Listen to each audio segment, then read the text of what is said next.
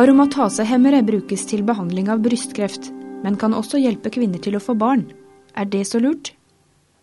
Velkommen til tidsskriftets podkast for nummer 5 2009.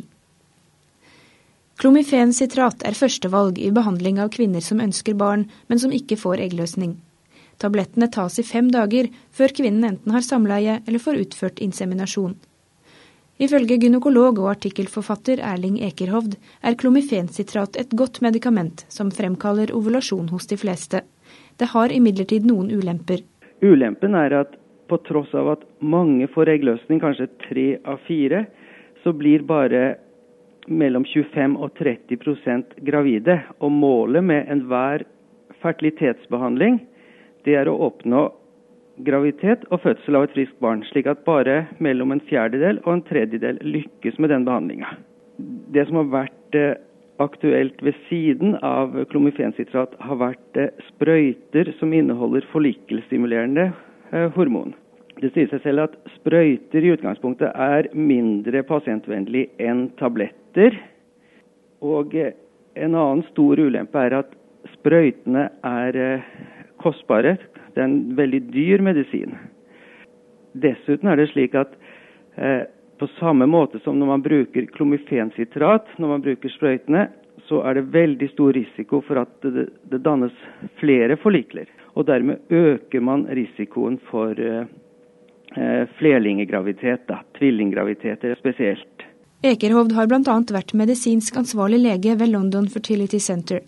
Der og ved flere andre fertilitetsklinikker har man de siste årene begynt å bruke aromatasehemmere for ovulasjonsinduksjon, og da spesielt letrosoltabletter. Men letrosol er kun registrert for behandling av brystkreft hos postmenopøsale kvinner. Så hvordan kom man på å tilby det til ufrivillig barnløse? Aromatase er et enzym i eggstokkene som fremmer dannelsen av eh, østrogen fra eh, mannlig kjønnshormon. Eh, det har vært eh, diskutert lenge om man skulle bruke det innenfor eh, behandling av ufrivillig barnløse for å fremkalle ovulasjon.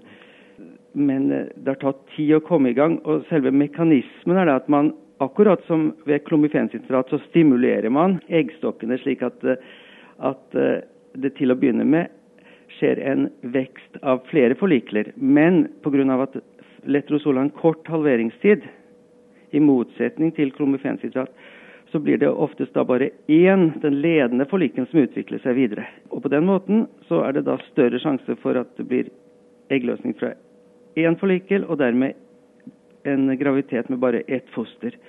Men hva, hva, med sjansen for å bli gravid med dette i forhold til kromifensitrat? Foreløpig så er det gjort forholdsvis få studier. Men det man kan si generelt sett, er at sjansen er enten like bra eller betydelig bedre.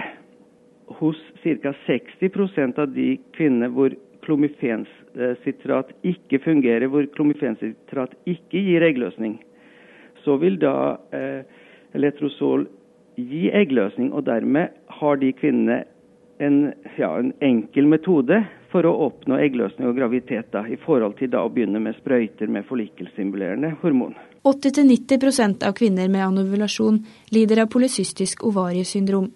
De fleste studier viser at letrosol egner seg godt til denne pasientgruppen. Men bruk av aromatasehemmere til ovulasjonsinduksjon er kontraindisert i felleskatalogen.